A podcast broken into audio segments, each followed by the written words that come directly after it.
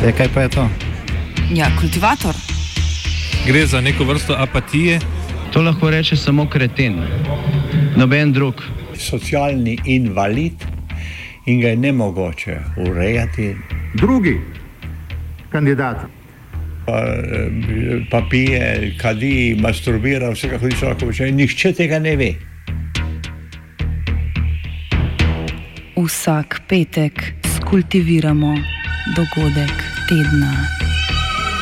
Lahko po kriterijih radio študent, težko pa po evropskih kriterijih. Ampak na drug način, kot vi tu mislite. Kultivator vedno užge. Da pač nekdo sploh omenja probleme, ki so, in da pravzaprav sploh nekdo sproži dogajanje uh, v družbi. To drži, drži.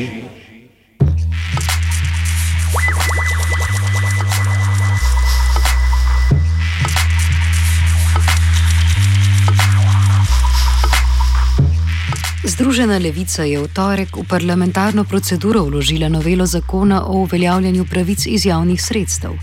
Gre za odziv na ukinitev subvencij k neprofitni najemnini za tiste, ki so upravičeni do neprofitnih stanovanj, a zaradi pomankanja slednjih živijo v tržnih stanovanjih.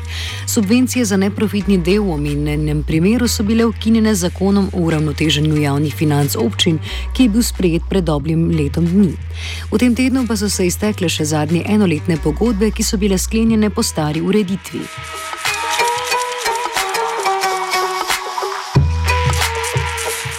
Ker je v večini slovenskih občin neprofitnih stanovanj glede na število upravičencev premalo, je v letu 2010 sprejeti novi stanovanski zakon vsem tistim upravičencem do neprofitnih stanovanj, ki teh niso dobili, omogočil, da plačujejo neprofitno najemnino kljub temu, da bivajo v tržnih stanovanjih. Razliko med tržno in neprofitno najemnino je do polovice krila država, polovico pa občina. Takratno stanje je še najbolj podobno današnjemu. Medtem ko se lahko prebivalci v neprofitnih stanovanjih zaprosili za subvencioniranje neprofitne najemnine v višini do 80 odstotkov celotne neprofitne najemnine, pa tistim upravičencem do neprofitnega najema, ki so živeli v tržnih stanovanjih, to ni bilo omogočeno. To stanje pa je spremenila nova socialna zakonodaja v letu 2012, ki je pravice obeh skupin upravičencev izenačila.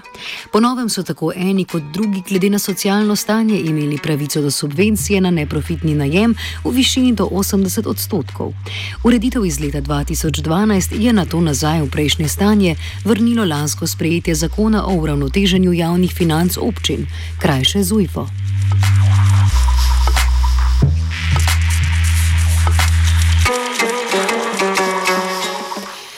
Kako je prišlo do ukinitve subvencije na neprofitno najemnino za tiste v tržnem najemu, pojasnjuje Matej Vatovec, poslanec Združene levice. Februarja lani se je sprejemal tako imenovani občinski ZUJF, ZUJFO, eh, ki je posegel na različna, eh, v različne zakonodaje, ki so eh, predvsem obravnavale proračune občin oziroma te proračunske uporabnike. Med temi določbami je bila tudi ta, ki je praktično naredila to škodo, ki jo sedaj vidimo. Skratka, da so se ukinile subvencije za neprofitni del za tiste najemnike, ki živijo v tržnih stanovanjih.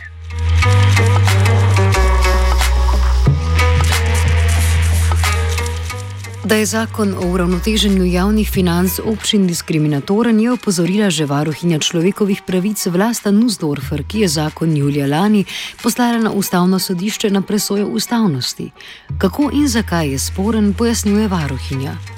Lansko leto, točno 31. julija, smo na Ustavno sodišče Republike Slovenije vložili zahtevo za oceno ustavnosti 25. člena zakona o ukrepih za uravnoteženje javnih financ občin v povezavi z 8. členom zakona o uveljavljanju pravic iz javnih sredstev. Menimo namreč, da gre za diskriminatorno obravnavo najemnikov neprofitnih stanovanj v primerjavi s tistimi, ki so najemniki v tržnih stanovanjih. Kajti v občini, v kateri nekdo lahko dobi neprofitno stanovanje, dobi tudi subvencijo najemnine za njega.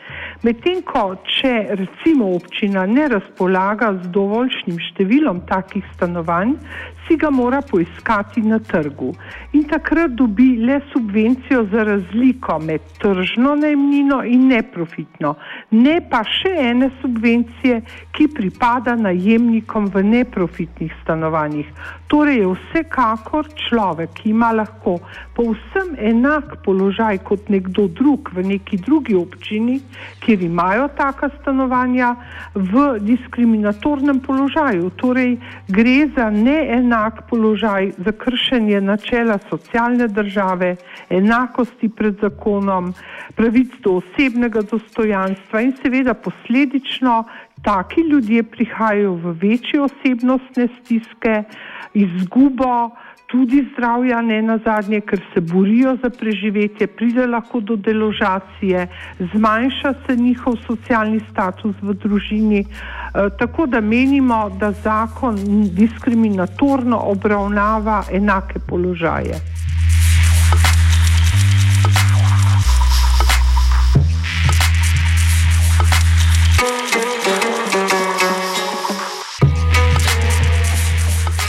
Kakšna je vsebina predloga Združene levice, ki se je namenila popraviti nastale krivice s predlogom novele zakona o uveljavljanju pravic iz javnih sredstev, pojasni Vatovec. Naša, naš predlog je precej uh, preprost. Uh, pratka, v zakonu uh, preprosto nazaj določimo, da se pač uh, subvencionira tudi ta neprofitni, neprofitni del pri teh najemnikih.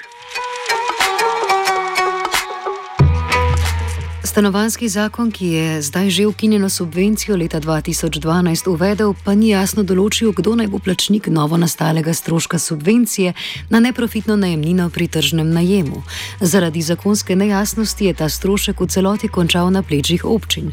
Kako bi bilo financiranje subvencije urejeno po predlogu Združene levice, razloži Vatovec. Tako kot je do sedaj, skratka, pol, eh, pol gre iz, držav, iz državnega proračuna, pol pa iz občinskih.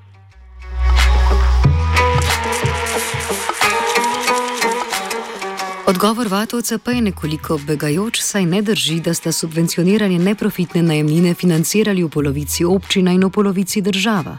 Rečeno velja zgolj za financiranje razlike med neprofitno in tržno najemnino, medtem ko je bil strošek financiranja neprofitne najemnine vedno v domeni občin.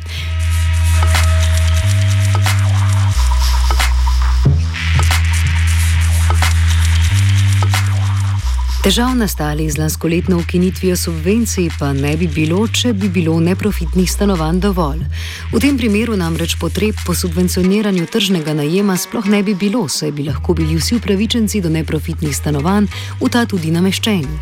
Kakšen je pravzaprav zgodovinski kontekst stanovanske situacije v Sloveniji, ki je pred 25 leti imela ogromno socialnih stanovanj, pojasnjuje Klemen Ploštajner iz zadruge Zadrugator stanovansko politiko oziroma področje v Sloveniji vse od uh, osamosvojitve ali pa tranzicije, kakorkoli, uh, zaznamuje popoln ali pa ne čisto popoln, ampak precejšen odmik države od tega področja, kar pomeni, da se s tem področjem nis, niso resno ukvarjali.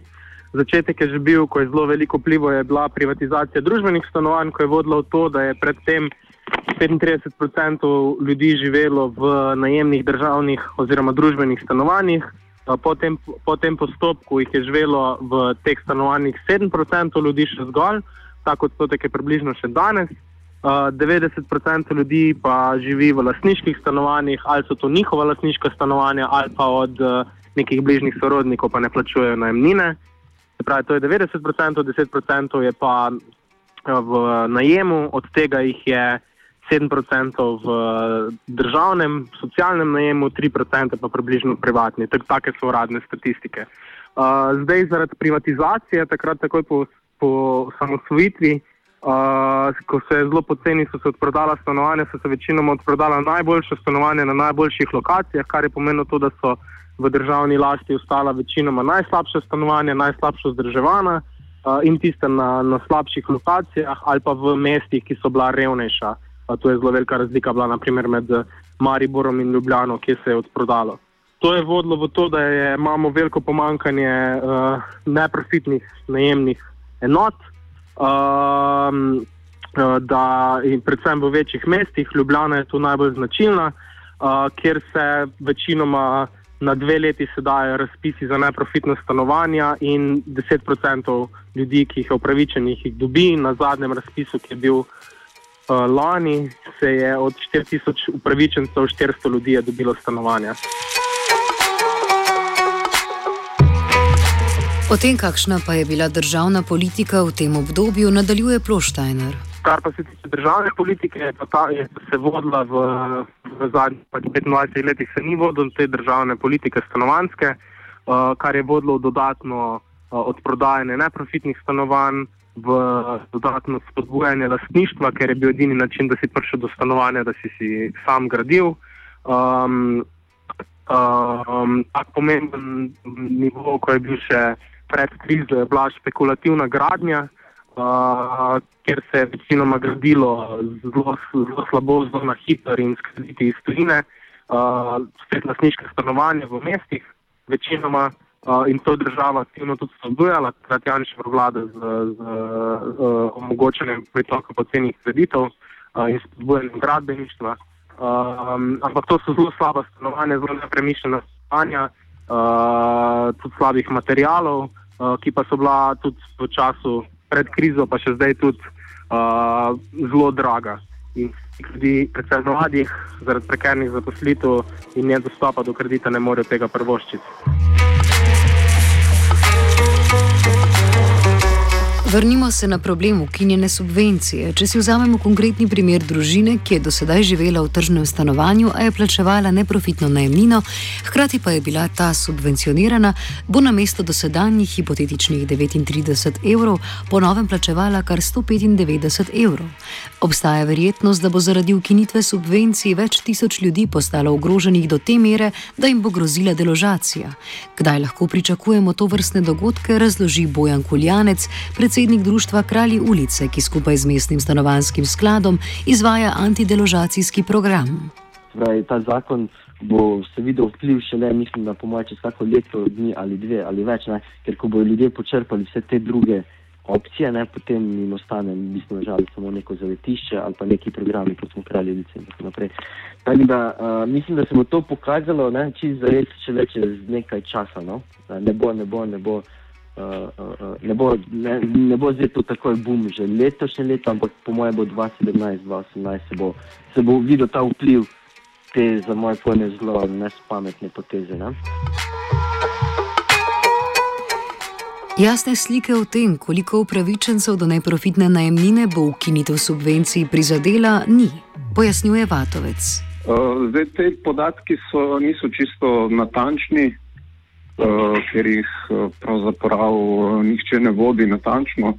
So pa špekulacije tam okoli 6000 posameznikov in družin.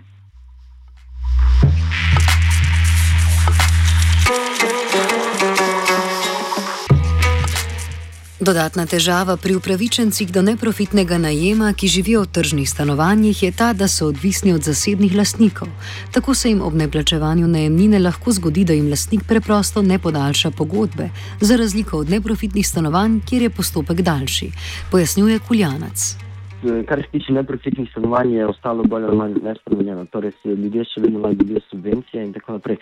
Tako da mi zdaj. Uh, tu na tem področju, kar se tiče stanovanjskega sklada, nismo zdaj zaznali, da bi zdaj bil nek poraz deložacij, čeprav Ljubljana že na splošno ima relativno malo deložacij. Uh, uh, uh, kar se pa tiče tržnih stanovanj, pa pravzaprav nimamo teh informacij, ne, ker ko ljudje pridejo k nam, so že izčrpali vse žive možnosti in variante. Ne.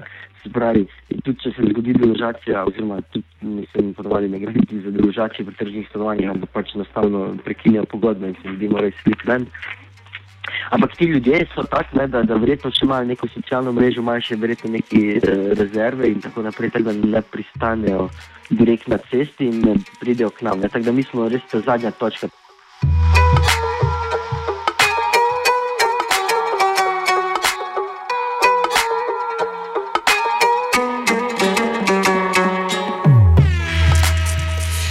V Sloveniji so neprofitne najemnine relativno nizke glede na tržne, čeprav si jih namreč mnogi ne morejo privoščiti brez subvencije, te še vedno niso dovolj visoke, da bi pokrile vzdrževanje stanovanj. Več o tem Ploštajner. Kar je pa mogoče tu potrebno podariti, je to, da so pa zakonsko določene najmnine um, uh, predvsej, uh, uh, predvsej nizke, uh, kako koli to zveni. Kar, um, kar pomeni, da ta najemnina dejansko tem uh, skladom, fondom ne omogoči, uh, ne odplačuje v bistvu teh stanovanj. No? In zaradi tega ima večina skladov zelo velike izgube. Uh, hkrati pa še to, da so ta stanovanja, ker so slaba, kar, zaradi česa, kar sem v bistvu že prej, uh, vodi tudi, da so stroški teh stanovanj zelo visoki in veliko ljudi ima probleme z odplačevanjem stroškov, uh, ker so pač en slabo okna, slabe stene, vlažno in tako naprej. Prav zato, ker fonda neprofitnih stanovanj ni mogoče vzdrževati z neprofitnimi najemninami, Ministrstvo za okolje in prostor v naslednjem letu planira pripravo nove stanovanske zakonodaje, ki bi med drugim ukinila neprofitni najem, na njegovo mesto pa uvedla stroškovne najemnine, ki bi vključevale tudi amortizacijo stanovanj. Prav tako bi uvedli stanovanski dodatek, ki naj bi ne glede na zasebno ali javno lasništvo stanovanja pripadal tistim, ki bi bili glede na cenzus do njega upravičeni. Prav omenjeno novo zakonodajo pa je ministrstvo omenjalo v svoj bran na nastalo situacijo z ukinitvijo subvencij.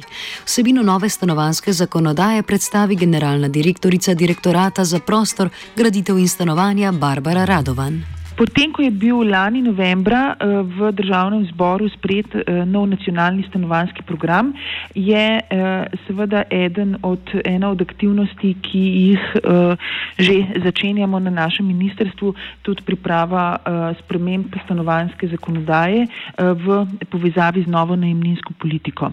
Ideja, ki je zapisana v nacionalnem stanovanskem programu, je, da se sedanja neprofitna letna najemnina uh, nadomesti z tako imenovano stroškovno najemnino. Torej, najemnina, stroškovna najemnina naj bi v javnih stanovanjih predstavljala tisto najemnino, ki zagotavlja uh, n, tudi amortizacijo uh, samega stanovanja, uh, če, če mor danes ni tako, neprofitne najemnine danes namreč tega ne om, o, omogočajo uh, in da bi se te, uh, ta stroškovna najemnina uh, korigirala v tistem delu, kjer uh, najemniki zaradi svojih finančnih uh, uh, razmer ne bi, ne bi mogli um, pokrivati te stroškovne najemnine, uh, bi se uh, za to razliko uh, uvedel stanovanski dodatek. Ključno, kar eh, pri, eh, pri tem je, da bi se ta stanovanski dodatek eh, vključil v sistem socialnih transferjev, kajti danes gre pri teh neprofitnih najemninah v resnici za neke prikrite socialne transfere to ni vključeno v ta sistem, ki ga, uh, ki ga imamo ne, za pridobivanje vseh ostalih um, dohodkov iz javnih oziroma pravic do dohodkov iz javnih sredstev, ampak ima pač danes to postavljeno svojo pot. V prihodnosti pa želimo te stvari povezati. Medtem ko je manjko sistemskega financiranja socialnih stanovanj realen problem, pa Ploštajner opozarja na problematičnost stroškovnih najemnin. Kar so zlobirali, kot kaže, uh, so nepremičninarjev, ker to fjapci društvo nepremičninarjev to uh, zelo rado govori, uh, je, da ne pa vrednosti zemljišča, pri čemer je pa zelo problematično to, da zemljišče samo po sebi, vrednost zemljišča je špe, vedno špekulativno nikoli ni neke ni realne cene zemljišča, njegova vrednost, ampak je vedno določena, niti ne moramo reči na trgu, ampak zelo velikimi špekulacijami, kar pomeni, da če bo to, to vključevala neprofitna najemnina oziroma stroškovna najemnina, kot bi se zdaj imenovala, uh, bodo, bo odražala cene, špekulativne cene zemljišč. Um, po drugi strani bi naj ta stroškovna najemnina vključevala tudi dodatno vlaganje v nove stanovanske enote, stanovanskih skladov, kar je spet nesmiselno ker uh, ne more ljudje, ki pač bi bili upravičeni do stroškovne najemnine, naprimer, se pravi ljudje, ki imajo socialne težave, ne morejo pokrivati dodatnih investicij, ne more pač ljudje na socialnem dnu ali pa socialno ogroženi pokrivati sociale za druge ljudi, ampak se to mora iz drugih verov nabrati.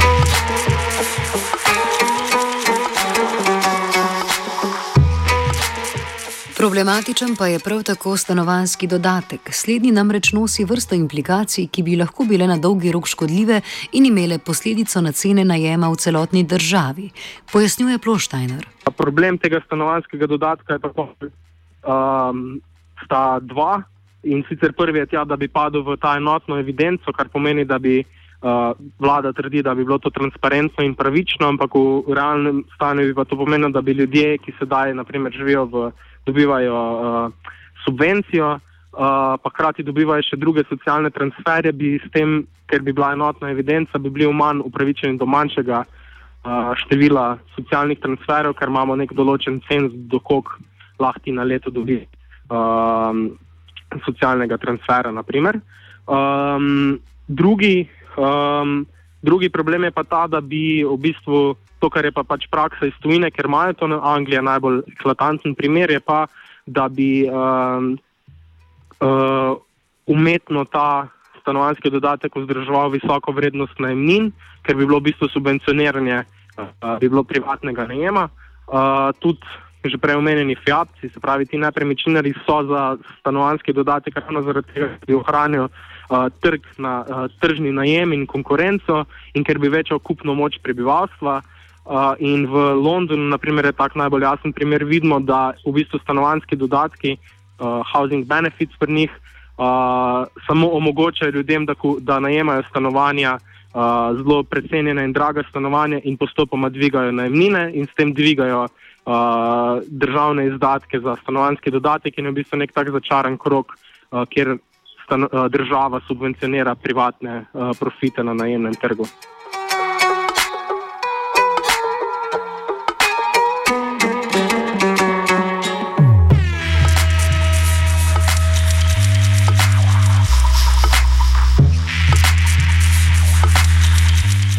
Kultiviral je mladen zobec.